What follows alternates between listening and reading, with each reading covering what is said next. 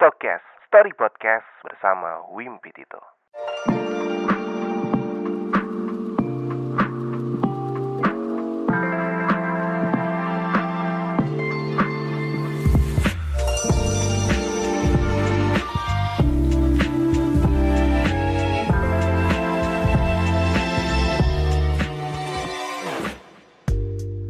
Hai, apa kabar lo hari ini?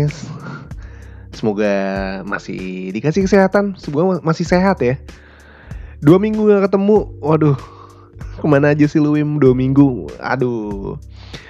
Sebenarnya nggak ke mana-mana, cuman uh, jadwal uh, tag podcast gue kan itu kalau nggak Kamis Jumat. Dan kebetulan dua hari kemarin itu setiap hari Kamis dan Jumat itu gue lagi ada kerjaan dan sibuk banget. Wah sebenarnya nggak ada alasan sih untuk nggak ngetek ya lah berapa menit doang sih Wim lu. Ya makanya itu ya ya capek. Nggak nggak.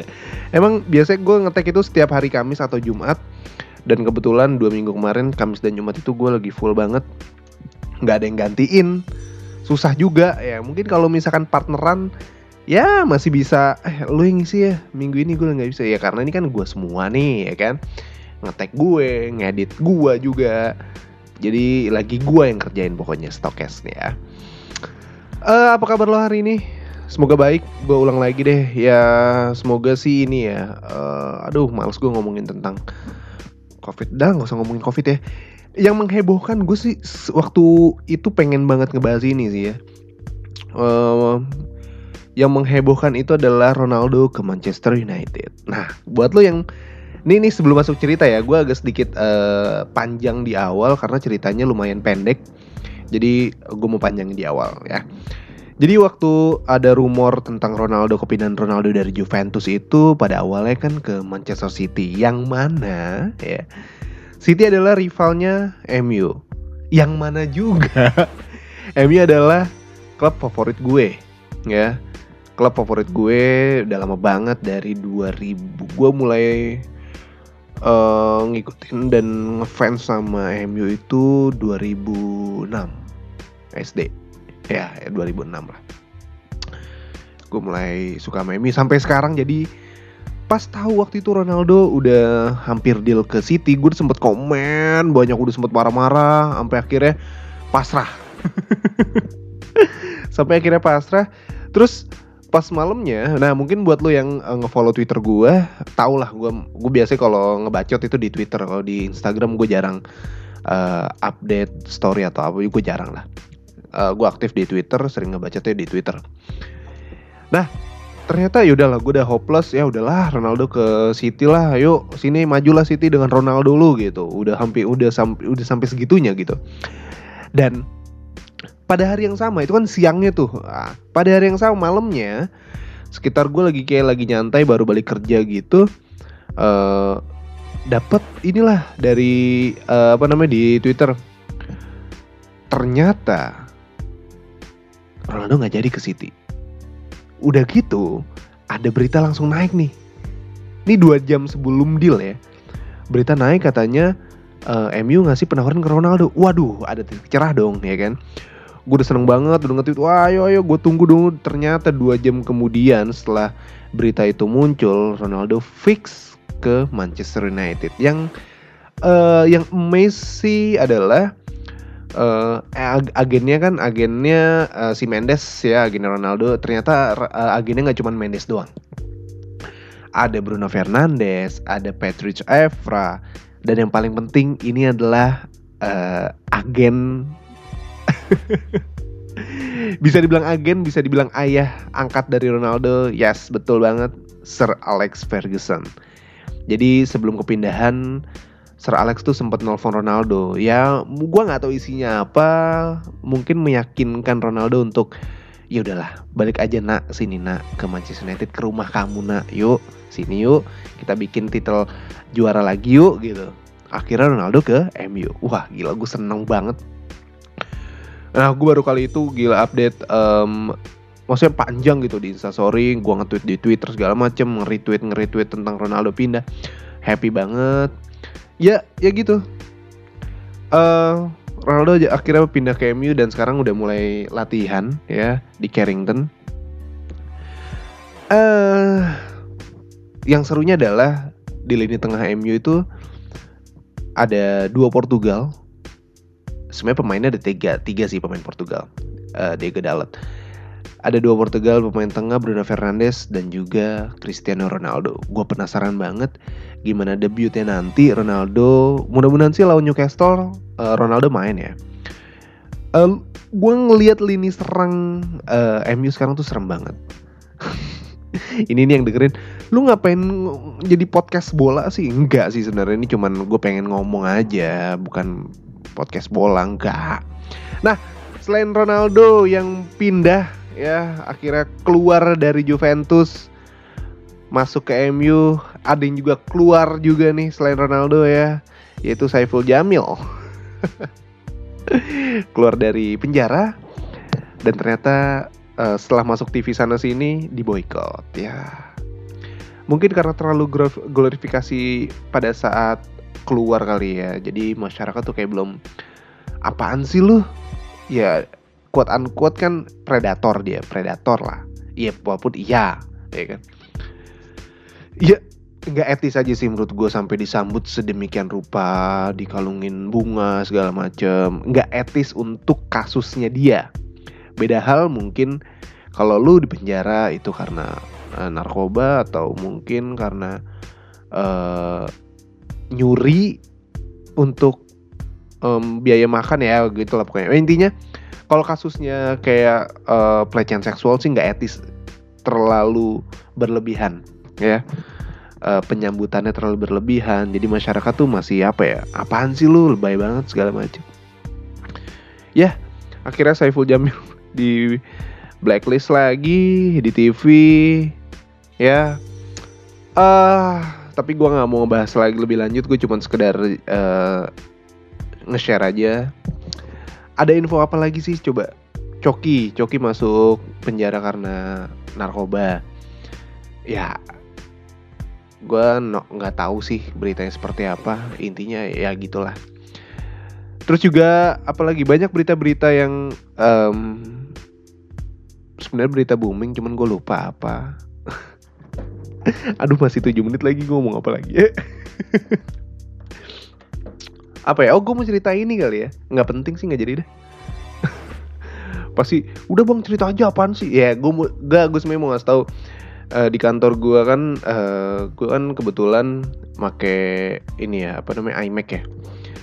Gue udah make dua iMac yang pertama iMac-nya rusak. Maksudnya udah udah udah udah udah cukup umur lah. Maksudnya udah lama banget itu udah kayak iMac tahun 2000 ya 10 tahunan kayaknya ya. Eh rusak karena mungkin emang sering dipakai buat desain yang berat-berat akhirnya rusak. Terus gue pakai eh, iMac yang kedua yang umurnya ma- sama juga. Eh rusak. Akhirnya gue dibeliin eh, Mac Mini dari kantor. Wah itu aja. Penting nggak? Nggak penting kan? Ya udah lu ngapain minta gue buat cerita coba. Apalagi ya? Hmm, udah sih nggak ada yang menarik juga di hidup gue Eh, langsung aja kali ya. 8 menit ngomong apa? Ini jadi ada cerita cewek gue udah baca udah baca sebenarnya karena ceritanya cuma lumayan pendek. Ini sih aneh sih ya kalau terjadi di tahun 2020-an ya ini terjadi di 2012 jadi ada cerita si cewek ini dibohongin sama cowoknya. Nah, penasaran gak lo ceritanya gimana? Enggak bang gue nggak penasaran. Ya udah skip aja. Ya yang nggak penasaran skip. Yang nggak mau denger ceritanya juga skip aja oke?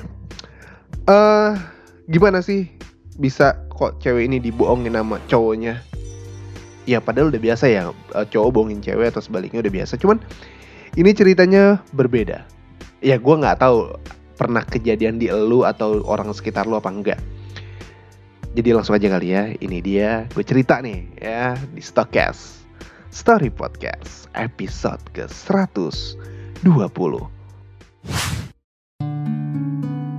Hai Wim Salam kenal nama aku Nur Cewek ya, nih cewek Aku mau cerita yang menurut aku lucu sekaligus bego banget. Waduh. Oke. Kok bisa ya kejadian di aku? Ya, gue nggak tahu kenapa bisa kejadian di lu. Kenapa? Sebenarnya ini cerita 9 tahun yang lalu di tahun 2012. Di mana, di mana pada saat itu aku masih kelas 1 SMA di Tangerang.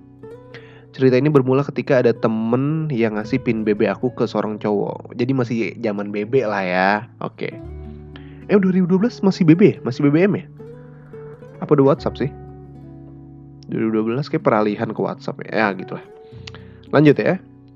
Ini bermula ketika ada temen yang ngasih pin BB aku ke cowok, seorang cowok.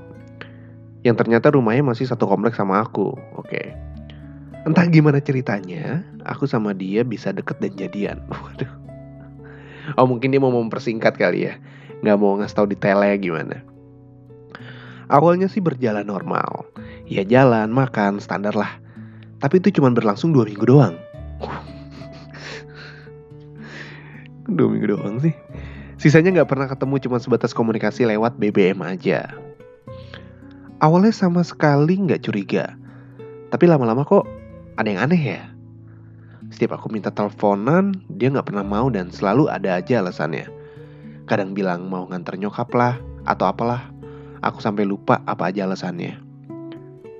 Jadi selama itu cuma BBM-an aja nggak pernah teleponan. Sebulan setelah terakhir ketemu, aku udah bener-bener ngerasa aneh. Terus aku bilang untuk putus. nih nih, lu, lu harus denger deh, lu harus denger uh, plot twist terakhirnya gimana nih, kenapa? eh beberapa hari kemudian dia BBM, eh sorry, eh beberapa hari kemudian ada BBM dari dia yang isinya minta maaf gitu. Aku lupa detail isinya gimana, intinya dari terakhir ketemu sampai putus itu aku bukan cuman BBM apa gimana? Dari terakhir ketemu sampai putus itu aku bukan BBM-an sama dia tapi temennya. Bingung ya? dia nulis di sini loh sumpah. Bingung ya? Iya kayak gue awalnya bingung. Terus gue baca lagi. Jadi selama terakhir dari terakhir dia ketemu sampai sebulan setelahnya ternyata yang BBM nama dia tuh bukan cowoknya. Nah, bingung gak lu siapa nih? Nih, dengerin ya lanjut. Jadi gini, ceritanya eh jadi gini, ternyata dia itu bukan sekolah formal, tapi dia itu pesantren. nah, dua minggu kemarin jadi dia itu lagi liburan. Terus pas dia balik ke pesantren karena kak terus apa? Terus pas dia balik ke pesantren gimana sih maksudnya? Oh, terus karena dia uh, ke pesantren, dia malu buat ngasih tahu kalau dia itu pesantren dia nyuruh temennya untuk gantiin dia BBM BBM ke aku. Kan gila ya. Dulu tuh ngerasa kesel banget dibohongin tapi sekarang kalau diinget-inget lagi berasa bego dan lucu. Hahaha. Cerita ini nggak ada yang tahu kecuali dia sama temennya itu. Aku baru ceritain sekarang ke stokes. Haha makasih Wim udah dibacain. Nah. Bentar banget kan ceritanya. Jadi eh tapi eh gimana ya kalau zaman zaman zaman era-era 2010-an ya 2010-an ke atas 2010 11 12 ya zaman zaman SMA atau SMP lah. Itu kayak wajar gak sih? Hal yang wajar gak sih? Kayak uh, eh lu BBM, BBM eh, atau SMS dia dong pura-pura jadi gue itu kayak wajar ya? Iya gak sih? Kayak gue pernah deh. Ah gue pernah gak sih? Gue lupa deh. Kepo kayak pernah itu hal yang wajar. Jadi anjir lucu banget sih. Jadi selama ini ngomong sayang-sayangan tuh sama temennya dan kok yang gue bingung temennya mau gitu. Temennya mau gitu. Apa sih? Maksud gue apa yang ada di pikiran dia kok mau gitu? Ngomong sayang-sayangan sama cewek.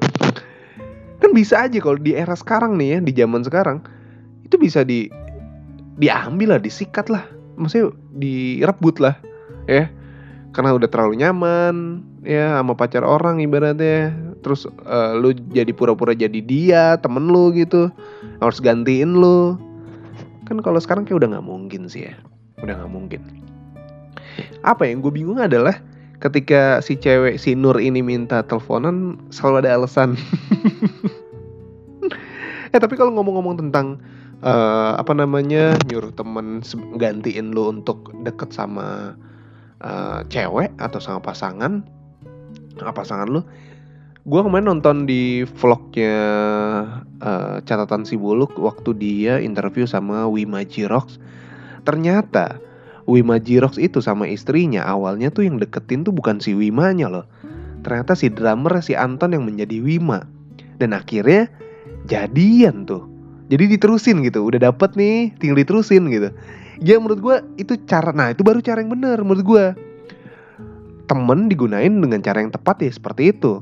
Bukan yang kayak gini nih ya kan? Disuruh jadi lu udah pacaran terus bingung akhirnya ya temennya mungkin udah nggak tahan kali ya akhirnya ngaku juga gitu. Lucu sih ya lucu banget menurut gue uh, tapi kok lu ketawanya biasa aja? Ya lucu aja. Lucuan yang kemarin sih. Sumpah yang episode kemarin tuh lucu banget menurut tapi nggak. Semua cerita uh, pasti berkesan bagi siapa yang menceritakannya. Gitu ya. Oke udah 15 menit. Hmm, nggak berasa ya. Sebenarnya masih pengen ngobrol sih gue ya. Uh, gue tuh lagi pengen ngobrol sebentar. Boleh gak sih? Boleh ya uh, agak sedikit curhat sih sebenarnya. Nggak curhat sih kalau curhat kan kayak seakan-akan ada masalah. Nggak gue mau sekedar share cerita aja. Jadi beberapa minggu lagi uh, anak gue mau lahir ya kan? Ya seneng banget excited banget sih. Agak sedikit dele dilema sih gue karena apa? Uh, sebenarnya gue sama istri gue tuh udah ada rumah sendiri ya tapi uh, karena anak gue ini mau lahir dan gue pasti butuh pengasuh nah pengasuhnya ini karena kan kalau pengasuh untuk bayi kan ya nggak bisa sembarang orang gitu gue harus udah pasti percaya sama orang itu, uh, udah ngerti, udah kenal baik, udah lama. Nah masalahnya si calon pengasuh gue ini rumahnya deket sama mertua gue. Yang jadi dilema adalah dan sudah keputusan juga sih sekarang. Gue tidak tinggal sementara anak gue lahir, gue tidak tinggal di rumah uh, rumah gue berdua istri gue, tapi gue bakal tinggal di rumah mertua gue. Karena calon pengasuh anak gue dekat rumahnya, uh, dekat rumah mertua gue dibandingkan ke rumah gue.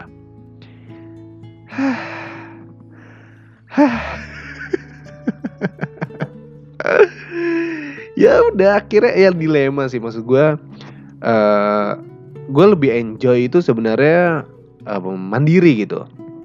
Kayak uh, eh, gue sekarang kan uh, saat ini semenjak istri gue hamil gue ngekos. Ngekos karena untuk deket lah sama kerjaan tempat kerja istri gue jadi supaya aman janinnya. Pokoknya ya gue ngekos. Bahagia gue berdua doang segala macem ya mungkin gue juga akan jauh lebih bahagia ketika uh, sendiri gitu mandiri tanpa di rumah orang tua tapi kayaknya untuk mencari uh, pengasuh itu nggak semudah kayak lo nyari ART deh. Beda, beda banget, beda, beda, beda banget. Ya, ya akhirnya ya keputusannya sekarang gue tinggal di rumah mertua gue dan ah belum tahu gimana, gue belum kebayang sih bakal gimana. Ya udahlah. Udah gue mau cerita itu doang sih. ah semangat deh ya. Buat siapa pun, buat lo yang mungkin udah nikah, yang tinggal masih sama orang tua, gimana sih rasanya gue pengen tahu deh. ah ya sudah. Terima kasih banyak yang sudah mendengarkan. Uh, sehat-sehat terus. Uh, apa? Jangan ngecewain orang yang ada di samping lo sekarang. Jangan ngecewain orang yang sayang sama lo jangan ngecewain keluarga lo itu sih yang paling penting. Eh uh, udah. Ya sehat selalu pokoknya. Yaudah ya.